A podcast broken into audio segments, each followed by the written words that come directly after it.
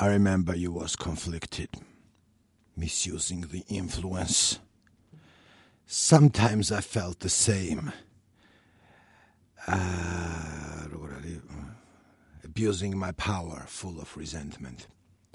Resentment that turned into a deep depression. Found myself screaming in the hotel room. აა ბოდიში რო ყურში ჩაყვირეთ მე ვარ კენდრიკ ლამარი და თქვენ უსმენთ კენდრიკის პოდკასტს. პოდკასტს რომელიც შეისწავლის ჰიპ-ჰოპის ფესვებს იამაიკიდან ნიუ-იორკამდე პოდკასტს სადაც ლაპარაკი იქნება კომპტონის სხვადასხვა ქუჩებზე. ხო არ დაიჯერეთ სინამდვილეში? არა არა ვარ მე კენდრიკ ლამარი მე ვარ ნიკო ნერგაძე და თქვენ უსმენთ ნიკოს პოდკასტ. უ პოდკასტ რომელიც არ ერიდება ყველაზე უფრო ბასრ თემებს. თემებს რომელზეც შეიძლება აი ოდნავ რო შეეხები ფშხაპ ხელი გაიჭრას ისხლი ყველგან იმიტომ რომ წამახულია როგორც ოფსიდიანის მახვილი მაიას ტომის ქურუმის ხელში რომელიც ჩასხობს ახლა ჩასხობს რა კარგად დავიწყე რა კარგად დავიწყე მაიას ტომის ქურუმთან ვიყავი, რომელსაც ხელში ოფსიდიანის ის უჭირავს ხანჯალი თუ რა ვიცი რაც ქვია დანა და მახვილი მეტის მეტი იყო დანა უჭირავს ალბათ, მაგრამ მაინც და ჩასწხობს. მომეჭრა თავი რა თქვენთან. ცული მაქვს რომ გავაჩერო ჩანაწერი და თავიდან დავიწყო, მაგრამ არა, შევჭამ ჩემ სიტყვებს და რაც ვქენი იმას იმას ვიზამ. რაც ვქენი იმას იმას ვიზამ. რა შეიძლება დღევანდელ ჩვენ სერიას სათაური წაიკითხეთ და იცით რაზეც არის სამი ყველაზე უფრო აბსურდული სცენა კინოს ისტორიაში, მაგრამ რაც იქ არ წერია არის ის რომ რეალურად რაღაცები მაქვს საბოდი, რა ზოგი რაღაცები უნდა მოგიყვეთ უბრალოდ ისე არაფერ შუაში რაც მომაფიქრდა და ნუ რაღაცა ის რო კონდეს, რა ჩონჩხი რო კონდეს გადაცემას. ხო, რაღაცა ის რო კონდეს სალაპარაკო, იმიტომ რომ ასევე წინასწარ გაფრთხილებთ რომ ზოგიერთი აქედან რასაც ვიტყვი, მე მილაპარაკია. მანამდე პოდკასტში სავარაუდოდ თავ ყველას არ უსმენ ხოლმე. ყველას არ უსმენ რამდენიმე მომისმენია საკუთარი პოდკასტი. და სხვა ჯერს არა უშავს რა არც ერთხელ რომ მოვისმენი არ ვიფიქრე რომ ფუ ეს სირი ვინ დასვა რა დი მეთქი საკაი პოდკასტია ყოჩაღნიკო ყოჩაღ არა გიშავს რა. და ხანდახან ბოდაო მაგრამ მისაღებია. და ერთ-ერთი ესეთი ბოდვა იყო ამასთანავე კომენტარი წავიკითხე რედიტზე რაღაც ტიპი წერდა რომ იმაში იყო ჯადოსნური მაღაზია, სადაც იყიდება ტაროს კარტი, რაღაცები სამკითხაო მასალა, ვიჟა ბორდ, როგორ არის ქართულად რო ატრიალებენ და მათ შორის იყო შუშის სამკითხაო ბურთი თუ. ბროლის თუ რა თქვენ მრგვალი ტიპი რო არის ხელს რო ადებენ და მე ვხედავ შენს მომავალს და ის ტიპი წერდა რომ ძალიან გამაფრთხილაო, გამყიდველმაო რომ სახლიდან რო გახვალო, სახში ეს რო გედგებაო, ზედო რაღაცამ და გადააფარო ყველა ვარიანტიო, არასდროს არ დაგჭესო გადაუფარებელიო და ეს ტიპი მე ვეკითხები რატო? რო სულები გამოვლენო იქიდან ალბათ თუ რაღაც აურა დაბინძურდება და არა შუქი წუდათ რომ მოხდეს დაგიწავს სახლსო აა ძალიან მაგარი არ არის.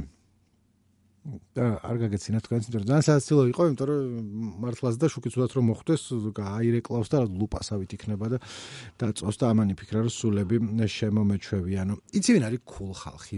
მე ხვდები რომ ჩემი პოდკასტის დიდი ნაწილი არის ხოლმე ერთგვარი გარკვევა რომ cool რა არის რა არ არის. თითქოს ეგ იყოს ამ პოდკასტის დანიშნულება რომ ეგ აღმოაჩინოს რომელიც საერთოდ არ არის ანუ მკიდია მაგრამ არაერთხელ მელაპარაკი ამაზე და ეთქობა არის მაგაში რაღაცა მტყვილა ხო ლაპარაკობ რა მოდის ხო საიდან რაღაცა ყველაფერი ხო და ჩემთვის არის ეს ხალხი დღეს მივხვდი სამსახურში რომ მოვდიოდი პოდკასტის ჩასაწერად უკვე გვიანი იყო და ძაღლები ამედევნენ და რაც მივეფერე მეთქი როგორ ახართ რაღაცა წამოერთად გავიდეთ და მე მივხვდი რომ კაი ხანია კი არა დიდი ხნის განმავლობაში ძაღლების კი არა მეშინოდა მაგრამ არ გზნობდი თავს კომფორტულად ძაღლების გარშემო. და ეხა განსაკუთრებით ამ პანდემიის დროს ვარ ხოლმე ფიფქიასავით რომელი არის რომ მოდის ტყეში და აბა დალი დალი ლა და გარშემო რომ მთელი ცხოველთა სამყარო რომ მოჯლიგინებს ხოლმე. მეგრე ვარ რამდენიმე ძაღლი მომყვება და ჩვენთვის მოდივართ აქ არაფერი არაფერი უბრალოდ მოდივართ ჩვენთვის ადამიანი დავინახეთ გავაკიდეთ და რაღაცნაირად ძალიან აღარ აღარ ვიძაბები ძაღლებთან. ხო და რას ვამბობდი რომ cool არის ხალხი თქვათ ონთ სექსუალურად გამოდის მაგრამ ბიჭი მაგრამ არა გეტყვით ვინ მოკლედ თქვა კაფეში ზიხარ და ამ დროს ზაღლი მოვიდა აყებს და ეს ერთ-ერთი პიროვნება ეუბნება ზაღს რომ მოდი ფიზო რა და გემართა кайცუგა кайცუგა და ის მოდის და ეს ეფერება და ხო პიროვნება რატო თქვი რომ და სექსის მირაში შემოდის რომ ბიჭი თუ აკეთებს ამას ჩემთვის უფრო კულარი გოგო თუ აკეთებს და ჩვეულებრივი ამბავი ანუ კულში კი არ უთვლი თვლი რომ ნუ ხო ალბათ ეგრეც უნდა იყოს იმიტომ რომ აბა რა და მე მიხურ ალბათ შურიდან მოდის, იმიტომ რომ მე მაინც ახან დაძაბულად ვიყავი ძაღლებთან, მშურდა იმ ბიჭების, ვისაც შეეძლოს რომ არ ყოფილიყვნენ დაძაბული ძაღლებთან და ეხა მეც ქულა ვარ. ანუ არ მინდა ამის თქმა. აა ხედავ რაღაცნაირი breakthrough გვაქვს ერთად. უცებ შევიყარე საკუთარი თავი. და ნა ნა ნა ნა ნა ნა ნა ნა უბრუნდეთ თემას, რომელიც არის სამი ყველაზე უფრო რაღაცნაირად აუხსნელად რიდიკულოზ სცენა კინემატოგრაფის ისტორიაში. და მე სამი ადგილი არ ატო თქვი რომ ამაზე ნალაპარაკები მაქვს 300-ზე ერთი გადაცემა ქონდა მთლიანად მარტო 300-ზე არა რამდენიმე ფილმზე მქონდა მაგრამ ნუ ნახევარი გადაცემა 300-ზე იყო ლაპარაკი რომელიც არის ჩემი ერთ-ერთი საძულველი ფილმი საერთოდ. ზეკ სნაიდერის 300 300-ის პარტელის მიხედვით რომელიც ისტორიასაც გვიჟდები ხა მაგაზე არ არის ლაპარაკი მაგრამ არის უამრავი რაღაცა ამ ფილმში რაც მზარავს და ვერ ხვდები როგორ შეიძლება მაგას საერთოდ შეხედო და ვიდრე 300-ზე გადავიდოდე ჯერ ზეკ სნაიდერზე ვილაპარაკო თუ ზაკ სნაიდერზე თუ რაც ქვია მაგას თავის ჯასტის ვინც არიცით უმეტესობა მიცით ალბათ იმდროს პოდკასტებს უსმენთ და რაღაცა ხალხი ხართ რომელიც რაღაცებში ერკვა, მაგრამ თუ არ იცით არ არის ეგეც პრობლემა. ზაკ სნაიდერი არის ერთ-ერთი ყველაზე უფრო ცნობილი იმ ხრივ სახელით შეიძლება იცოდე რეჟისორი, რომელიც ამავე დროს არის როგორ არის ქართულად კონტროვერსიული, ну, ვიღაცებს ან სულთან ძალიან ევასებათ, რომლის გადაღებულიც არის სხვადასხვა ფილმები, აი ბოლოს DC-ის სამყაროს ფილმებს ეგიღებდა ვთქვათ ბეტმენი სუპერმენის წინააღმდეგ სუპერმენის ფილმი Justice League სადაც ხალხი იკრიბება ხოლმე ერთად თუ არ ვთქვი წყლის კაცის მაგისი გადაღებულია რა ქვია ქერო Game of Thrones-ში რო გიგანტი იყო ის რო დადის აკეთიკიდან და ქალები რო სოლდებიან წყლით რომ ოსაც ის აკეთიკით აშხურებს ვითომ უბრალოდ სოლდებიან რომ თქვა რა პრობლემა იქნებოდა მაგრამ არა გადაწყვეტე რომ ესე შემეფუთა ვითომ არ ბილდ სიტყვაობ. ხო ეგ ზაკ სნაიდერი რომელთან დაკავშირებითაც ახლა არის მთელი ამბები მთელი ამბები არის რაში რომ ზაკ სნაიდერმა გადაიღო Justice League სამართლიანთა ლიგა თუ რაც ამ არც ქართულად როგორ არის მკიდია. რომელიც არის DC-ის პასუხი Avengers-ებს. იქ Avengers ხო არიან ყველანი რო იკრებებიან ხოლმე და DC-ში არიან ესენი სადაც Batman-ი, Superman-ი, წყლისკაცა Aquaman-ი არის მაგრამ ნუ წყლისკაცას დაუძახებ Wonder Woman-ი და ვიღაცები ერთად არიან Flash-ი. და ვიაც ბოროტს ეჭიდებიან რომელიც სამყაროს განადგურება უნდა თუ რაღაცა ეგეთი მოკლედ ზაკ სნაიდერმა გადაიღო ეს. და ბოლოში ფილმის ბოლოს ნიტო წამოვიდა იქიდან ნიტო გამოუშვეს რაც მოკლედ კონფლიქტი წამოვიდა და სტუდიამ გადაასწორა ეს ფილმი. გამოუშვა ეთერში თუ რა კინოში. და ხალხმა ნახა და თქვენს რა რა უშავსო მაგრამ ცოტა სირა ბაო. და სნაიდერი ამბობდა სულ რომ მეო მაქო იმინა უკეთესი ვერსიაო რომელიც დევსო აქო და აი ხედვა მქონდაო და მაგას გამიფუჭესო მაგას დედაცო ჯეკო და ფანებმა რაც კამპანია დაიწყეს მოკლედ ამ რამდენიმე კვირის წინ იყო თუ ერთი თვის წინ თუ რა არც თუ ისეთი დიდი ხნის წინ გამოვიდა რეჟისორის ვერსია ანუ ამ სნაიდერის ვერსია 4 საათიანი თავისი დისტრაკებით ყველაფრით საერთოდ შეცვლილი ზუსტად ისა და ხალხი ამბობდა რომ მაგრა ასწორ მაგარი გაასწორა სნაიდერისთვის justice for snyder თუ რა ზეკ სნაიდერი მე მძულს არა როგორც პიროვნება, იმიტომ რომ მინახავს მაგის ინტერვიუები და ნორმალური ტიპია და კარგად ლაპარაკობს და არანაირად რაღაცა სუფრაზე რო შემოვიდეს, გაგისწორდება დარწმუნებული ვარ, იმიტომ რომ ნორმალური ტიპია. მაგრამ როგორც რეჟისორი, მაგისი ხედვა, აი რო დავინახავ მაგი, იცი იცი არის აი იცი არის განსაკუთრებული. მოკლედ ზაკ სნაიდერის გადაღებული 300-ის მარტელი, Justice League, Batman-ი, Superman-ის წინააღმდეგ, რაღაც სხვა ფილმები, რომელიც არის გაჯერებული slow motion-ით, ანუ მთელი ფილმი არის ეს გარეცხილი ფერები, აი ლამის შავთეთრი თუ რაღაც აი ფერები რო არის გრძნობა და სუპერმენი იქნევს მკლავს და იქნევს ერთი წუთის განმავლობაში, ვიდრე იმას არ მოხვდება და ჩემთვის არის აი ესთეტურად შემზარავი, ფუ იმის გათვალისწინებით რომ თქვა მე მგონი პირველი ფილმი იყო სნაიდერის თუ არ ვიცი რა იყო. აქვს Dawn of the Dead-ის რიმეიკი ანუ ეს არის საკულტო კლასიკა რომეროს ერთ-ერთი ზომბების მთავარი ფილმი რაც გადაღებულა და არის გადასარევი რიმეიკი იმენა ძალიან კაი ფილმია. და ამას გარდა აქვს გადაღებული სუპერგმირებზე როა ფილმები ეხა ეხა არ გამაგიჟოთ ყველაფერი მოვიწყდება ხოლმე და ნერვებს მიშლის ეს რაღაცა მჭირს თავში მაგრამ იცით რაზეც არის ლაპარაკი გადაღებული ფილმი რომელიც იწება ბობ დილანის იმითი times they are changing და თავიდან რო არის მონტაჟი იმასთან დაკავშირებით თუ როგორ აი ეს სუპერგმირები ცოტა სხვანაირები არიან ამ ფილმში ზუსტად ისეთები როგორიც აა უნდა იყვნენ კომიქსში და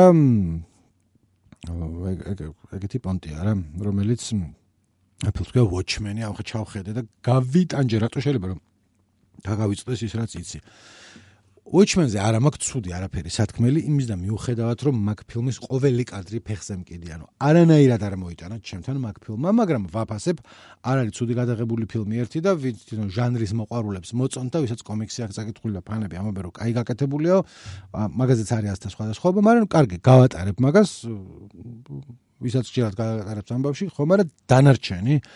აი ეს მოშავ თეთრო როგორ შეიძლება 4 საათი მაგას უყურო Justice League-ის Zack Snyder-ის, რომელიც არც სტუდიო ქათმი ნახავს, არც Zack Snyder-ის, არც ნახავს იწელი, იმიტომ რომ ჩემი დრო გაცილებით უკეთესი რაღაცეები შეიძლება რომ დაკავდეს Clash Royale-ს ვითამაშებ ტუალეტში 4 საათის განმავლობაში და არ შევხედავ მაგას. მაგაზე არ არის. ნანახი მაქვს ვიდეოები იცი რა ალბათ უფრო მეტი საათი მაქვს მაგეების რევიუები ნანახი და რეცენზიები და განხილვა ვიდრე ფილმი არის თვითონ რა ანუ 1-6 საათის რევიუები მაქვს ნანახი მაგაზე. რომლიდანაც გამოვიტანე დასკვნა რომ სნაიდერის ვერსია მართლაც და ჯობია უკეთესი ფილმია ვიდრე ორიგინალი მაგრამ ერთი განსხვავება რაც არის არის რომ თავის სტილშია გაკეთებული. ერთი ისა შავთეთრი ვერსია აქვს გადაღებული და უნდა 4 საათიანი კიდე შავთეთრი ვერსია დაიდო. მოკლედ რა სნაიდერი მე არ შემილია. მაგის ეს slow motion-ები რომ არა სერიოზულად მიმაჩნია და ვაფშე ვერ ხვდები რანაირად შეიძლება მაგას უყურო. არა იმიტომ რომ შინა არის ბავშვურია რაც Wonder Woman არანაირად ანუ უფრო ბავშვური რაღაცებიც მინახავს. მაგრამ აი მაგ ვიდეოზე რამდენს ბედავს? რამდენს ბედავს მაგვიდზე. საერთოდ მთელი this universe ახალი ფილმები რამდენიმე გამსწორებია. ერთი ცუდი ფილმია Suicide Squad-ი. მანამდე მან ახალიც გამოვა ხა და მან მივალ, მაგრამ მარგო რობი თამაშობს და მოკლედ არ არის კაი ფილმი, მაგრამ ბავშვთან ერთად ვიყავი კინოში და რაც გაგვიწორდა ერთად ყოფნა და მაგიტომ აქ თუმცა ცუც არ ამბობ, თუმცა ფილმი არის ნაგავი. როგორ ამბობ, ცუც არაფერს არ არის კაი ფილმი. აა მაგრამ დღეს ვნახე ტრეილერი, რომელიც მაგის გაგრძელება არის, ქვია ასევე Suicide Squad, უბრალოდ The Suicide Squad, პირველი დის garaში არის, James Gunn-ის გადაღებული, რომელიც გადაღებულიც არის Guardians of Galaxy და თუ დამიჯერებთ ტრეილერის მიხედვით, ეგ ფილმი იქნება ბომბა, ძალიან მაგარი ფილმი იქნება, იმიტომ რომ ტრეილერი იყო ძალიან კარგი, აი ტონი იყო დაჭერილი, სასაცილო იყო და ისეთი რა აი მარველის ნაირი ფილმი იქნება Guardians of Galaxy-ის პონჩი on დაჟე მე მგონი კიდე უფრო რაღაცნაირად ლაითი ერთ-ერთი გმირი მანდარი ზვიგენი მოსიარული ზვიგენია რომელსაც სილვესტერ სტალონი ახმოვანებს და ერთ მომენტში ვიღაცებს შუაზე გაგლეჭს. სად ვიყავი და როგორ მოხვდი აქ? Def როგორ და 300-ზე 300 არის ზაკ სნაიდერის ფილმი, რომელიც არის აი ტრუსიკიანი კუნთებიანი კაცები რო დადიან სპარტელები და ესე ამარცხებენ იმ ბოროტ სპარსელებს, მაგრამ და ამაზე მაგ ნალაპარაკები, მაგრამ თავიდან ღირს რომ ვახსენო. იმიტომ რომ მაგ ფილმის დედავატირე თავიდან ბოლომდე. საერთოდ სულ ყველაფერი, არაფერი არ არის მაგ ფილმში, რაც არ მოძულს თხემით ტერფამდე. დაწყებული პირველი კადრებიდან რომელიც იწება ესე რომ ვიღაც სპარტელი ბავშვს უყურებს შეისწავლის რომ რამე ის ხო არა აქ ნაკლი და როცა ნახავს რომ სრულიად უნაკლოა დატოვებს და მთელი მუღამი არის ის რომ ამ ფილმის თანახმადთან ვისაც მაგათ მოგონილი არ არის მაგრამ გავატაროთ ერთ წამიას 2000 რომელიღაც წელს არის გადაღებული. კაი ტიპებიც თავიდან გვაჩვენებენ რომ ისინი სპარტელები შეისწავლიდნენ ბავშვს და თუ ხალი არ ექნებოდა ან კუზი ან რაღაცა ნაკლი დატოვებდნენ. თუ არა და ხაროში ჩააგდებდნენ იმ ბავშვის დედაც და ოთ ანუ ხა ამატკენ დავიყოთ ანუ ეგ კაი პონტია რომ რაღაც ბავშვ თუ რაღაცა დახალდაბადებულ ბავშვ თუ რაღაცა ნაკლი აღმოაჩინე. ის ელაპარაკობს ო მაი ჩავაგდოთ ხაროში. დაუნის სინდრომი ჩავაგდოთ ხაროში. ერთხელი არა აქ ხაროში. დანარჩენებს ვაბრძოლებთ. თქვენ დედაც ვატირებთ და თქვენი ქალაქი და მთელი ქვეყანა რა პონტია? ეგ არ არის კაი კაი არც არასდროს არ ყოფილა კაი პონტი ეგ ერთი ეგ. მეორე თან ახლა სამას სპარტალის ამბავი. იცი ალბათ იცი ალბათ ესე მოგმართო მაგრამ კაი შენობით მოგმართო ბაზარი არ არის სამასის პარტელი რომ ჩადგებიან და ეფელტა რომ მოდის მოღალატე რომელიც არის კუზიანი მახინჯი და ეუბნება ამათ რომ მე მიმიხეთ თქვენს რიგებში მე დაგიცავთ მე ჩმინდა ხმალი ავჭიოშ პარტიის ჯაშა ჩავა და ისინი უბრალოდ შე მახინჯო დავაი ნახო აქედან ხარ და გინახო აქ შენ ხარ მახინჯი და ისეუბნება რომ რა ვქნა მეც მინდა ხმალი გავიქნიო სამშობლოსთვის და ესენა ხმალი უნდა გაიქნიო შენ მახინჯო სუსტო ფარი ვერ დაგიჭერია ხელში და დროს უყურებ და ფიქრობ რომ შეჩემა. ტიპი მოვიდა შენთან საბრძოლოდ კეთილი განზრახვები თუ რაღაცა და რატო ლანძღავ ანუ რატო აყენებ შეურაცხყოფა ფარს ვერ დაიჭერ შენ გაიქნიოს ხმალი ანუ თუ რაღაცა ის პარსელები მოკლავენ უნდა რა მოსულიერო სამშობლოს თავი შეწიროს და ნუ ჩააფურთხებს სულში. ნუ გადაიმასიზამ რაღაცა რასაც იმასიზამ. რომელსაც ამ ტიპს აი დაამცირებენ ადამიანი რომელიც მოვიდა საბრძოლოდ რომ მე მინდა ხმალი ავჭოშ პარტიის დასაცავად და ეს ეუბნება ლეონიდასი რომ აი ბა ეხა დავაი აქედან გაჯოაშე მახინჯო და ის წავა მე და მოღალატე ფიალტებს პარსერ როგორ შეიძლება ტიპი გააძევო ესე რომელიც იმენა შენკენარი მოდის თავის გასაწირად რომ დასადგომად რომ აი მოდი მე შევაკლავ თავს და თავს კი არ შეაკლავ შე მახინჯო შენ აბა ნახვი ახაკეთან რო არ გავჩერდი არასდროს მაგრამ ძალიან მომეწონა. და მართლა ეგრე ან რამეს კი არ ვაჭარბებ.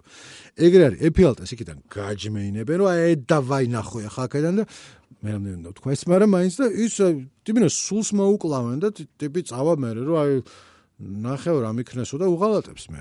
მაგრამ ჩემ ჩემი გადმოსახედიდან რაც მაგ ფილმში არის ნაჩვენები კი უღალატებს სწორად მოიქცევა იმიტომ რომ ვიღაც სასტავია რომლებიც დადიან ბავშვებს ბრიდავენ ახალდაბადებულს თუ რაღაცა თვალში არ ეპიტნავად და ოდნავ მაინც თუ რაღაცა კი ის არის დეფორმირებული კაცია ესე ფილტე მაგრამ სული ხო სწორად აქვს რომ მოვიდა რომ თავი გასწირო შენთან ერთად და ნუ ნუ გაამოღალატებებ თუ რა ვიცი რაც ქვია მაგის საქციელი შემცვარი მაგაზე ყველაზე გასაგები, მაგრამ არც ერთი ეგ სცენა არ არის, რაზეც მინდოდა გამომახვილებინა თქვენი ყურადღება.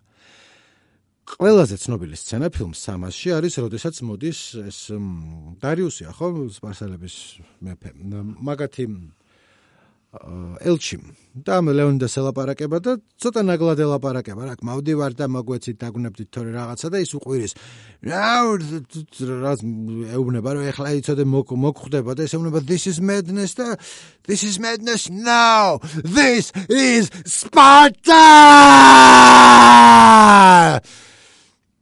და ციხს ჩარტყამს გულში. თავის სოლს ესეუბნება რომ კი მაგის დედაც გადა მოკალი თუ რაღაცა და ჩაგდებს ხაროში რომელიც ხაროს წინ დგანან. მთელი მუღამი არის, რომ ესენი დგანან დიდი ხაროს უზარმაზარი უფსკრულის წინ მრგვალი რაღაცა დიდი მრგვალი ჩასავარდი ადგილია, სადაც ჩააგდებენ ამ ტიპს.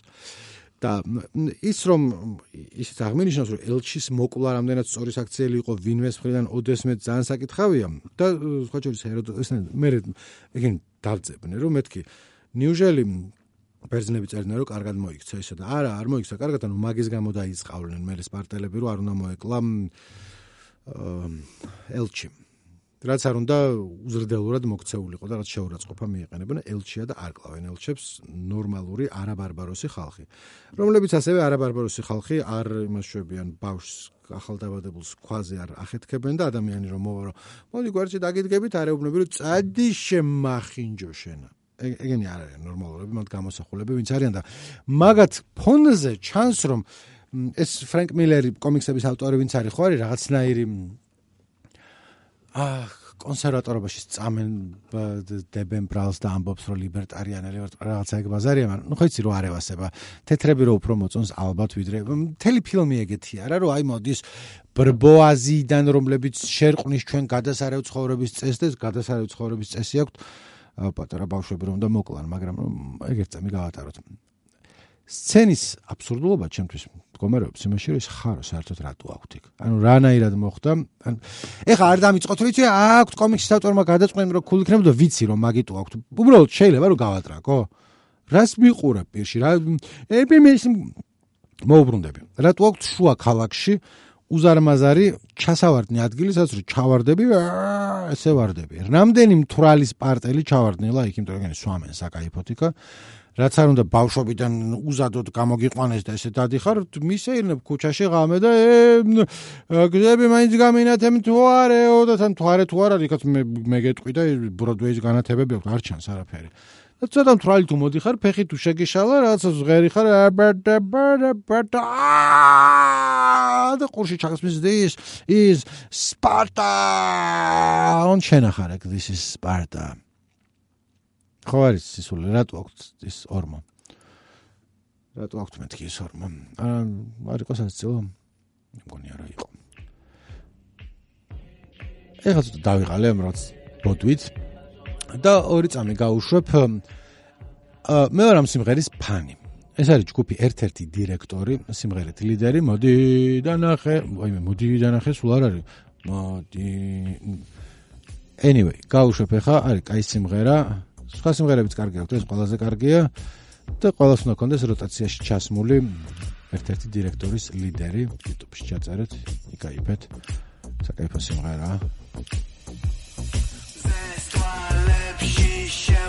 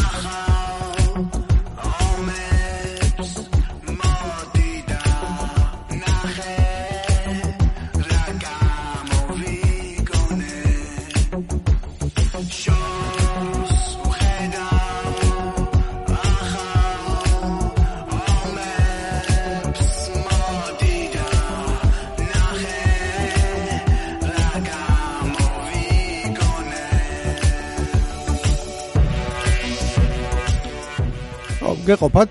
ალბათ გაქვთ მოსმენელი თუ მის მენთხოლმე ანუ არაერთხელ გამიშვია იმიტომ რომ მევასება იგი ვისაც არა გაქვთ მოსმენელი ეს არის ერთ-ერთი დირექტორი ქარჩხალს და სიბას პროექტია.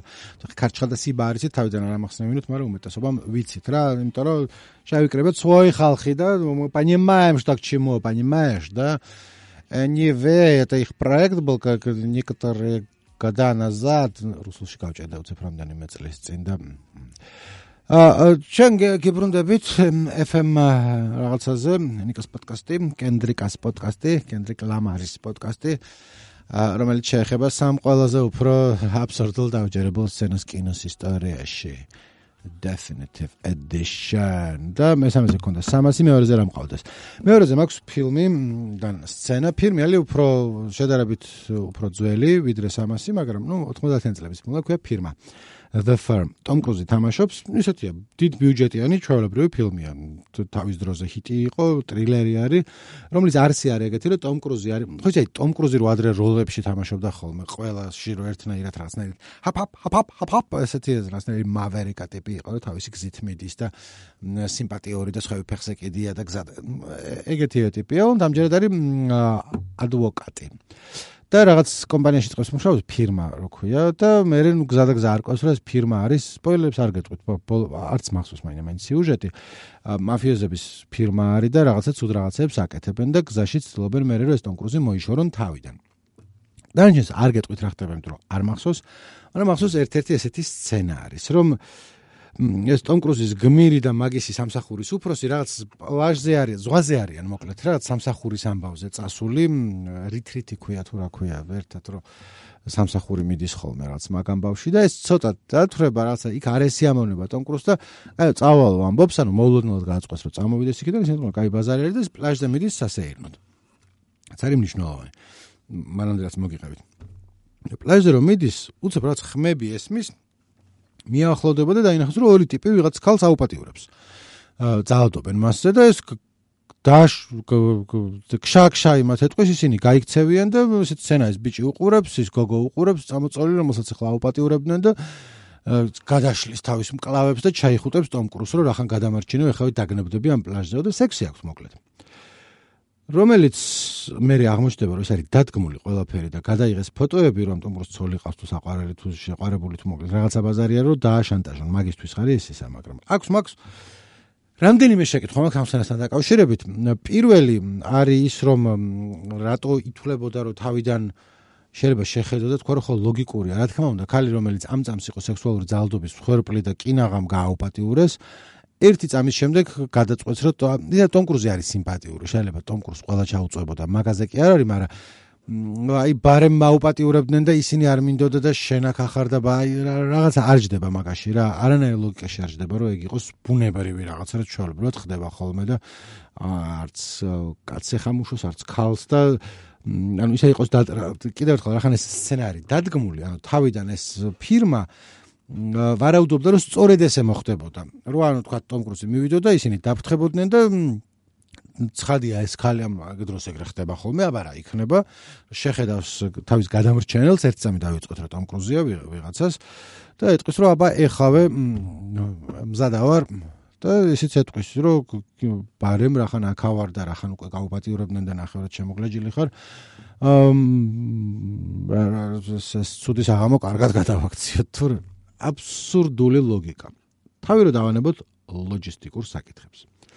ლოჯისტიკური საკითხები არის რომ კიდევ ერთხელ ეს სცენარი დადგმული. ანუ ტიპებმა დაუკვეთეს ორ კაცს მსახიობს და ერთ ქალს ფილმის ლოგიკაში რა რომ რაღაცა დადგან სადაც ტიპი რომ გამოივლის რომ იქ შეხვდეთ მაგრამ რა იციან სად გაივლის ტომ კრუზი კიდევ ერთხელ ხაზგასმით რომ ხაზგას რატო ლაპარაკობ ესე არ ვიცი მაგრამ კიდევ ერთხელ ხაზგასმით თქვი ნაკლებად აჟიტირებული ხმით ვამბობ ამჯერად რომ ტომ კრუზი რო წამოვიდა ფართიდან, არავინ არ იცოდა რომ იქიდან მოდიოდა. იმ წუთას რაღაცა გაუტყდა და თავისით გადაწყვიტა რომ წამოვიდა. ასევე არავინ არ იცოდა რომ მარჯვნივ წავიდოდა თუ მარცხნივ წავიდოდა თუ პირდაპირ წავიდოდა თუ სხვა მხარეს წავიდოდა. რანაირად დარბოდნენ ეს მსახიობთა ანსამბლი, აქეთ-იქით რაციები თუ არ ვიცი რაც იყო, რომ მარჯვნივ მოვიდა, მარცხნივ მოვიდა და ხო, მგონი მოდის, მოდის, აბაკოკო, დაეგდე, დაეგდე, შემოიგლიჯე ტრუსიკა, შემოიგლიჯე ტრუსიკა და მოვიდეს ახლა. მოვიდეს ახლა არ არ ვიცი რაში წერია ეგ. რანაირად მოხდა მაგისი აა რატო ფიქრობ ხოლმე მაგებზე არ ვიცი, მაგრამ სულ დროს მახსენდება რომ მენეჯმენტი როგორ განხორციელდა მაგისი, როგორ დაიგეგმა და როგორ განხორციელდა, იმიტომ რომ ეს ადვილად ჩანს ყველაფერი, მაგრამ ადვილად როგორ მოხდებოდა.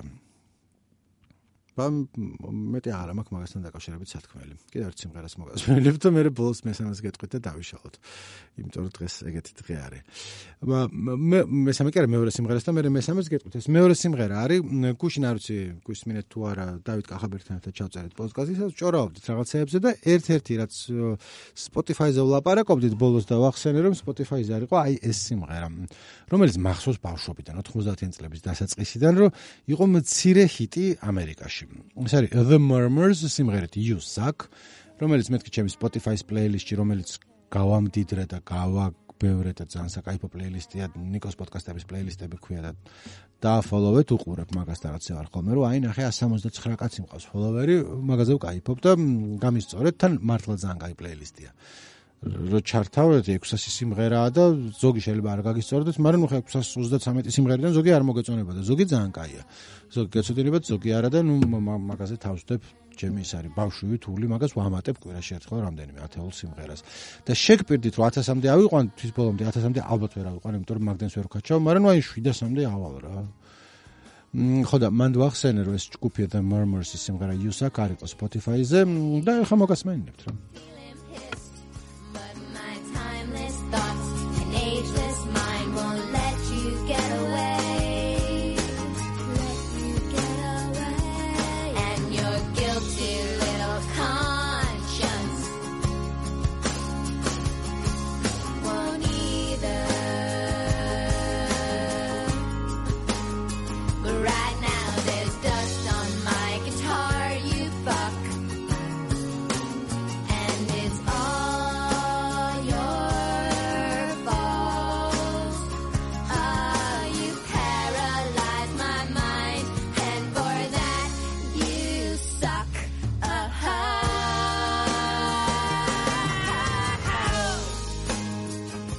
ხარო გითხრათ რა ხამ ამ წუთას ამას უსმენ და ფიქრობ რომ ხელა დანაკლისია რომ ეს ჩემ პლეილისტში არ არის. რატომ არ არის Spotify-ზე ეს სიმღერა?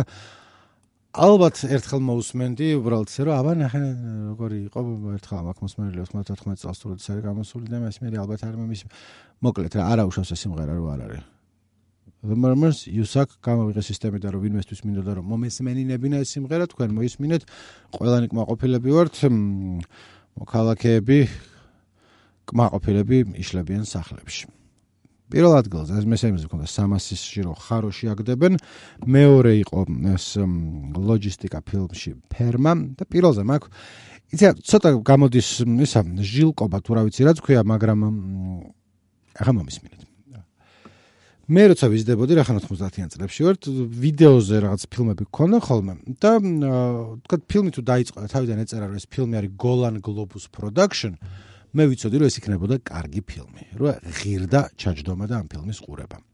რომელიც არ მახსოვდა ეს ამბავი Golan Globus-ის სახელი ვიდრე ამას წინათ Reddit-ზე ასევე არ შემხვდა. ტიპები რო წერდნენ რომ აუ ნახეთო Golan Globus-ზე იმენა ყველაზე ბანძი ფილმები რო იყო. და მეთქი შე საზიზღარო შენა რატო ამბობ ამას? და მე მივხვდი რაში იყო საქმე რომ Golan Globus-ი იყო კომპანია რომელიც Canon Films თუ არ აქვს შოუ მაგათ ისტორია არ გაინტერესებდეთ მაგრამ 80-იანი წლების ბოლოს უშვებდა უამრავ trash action ფილმებს რომელსაც მე მაშინ და ჩემი თანატოლები უყურებდით ფილტრის და ტრეშის ფილტრის გარეშე როგორც საკაიფო ფილმებს მაგალითად ჩაკ ნორისის ფილმები იყო გოლან გლობუსის გაკეთებული ასევე მე მგონი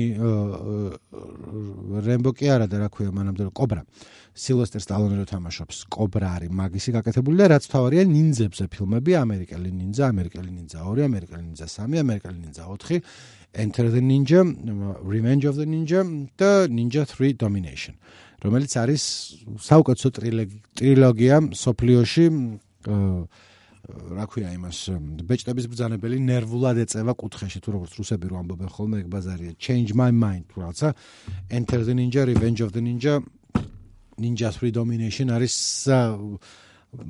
პიკი იმის იქი ცივილიზაცია არ წასულა. ყველაზე მაგარი ფილმები ამ სოფლიოში.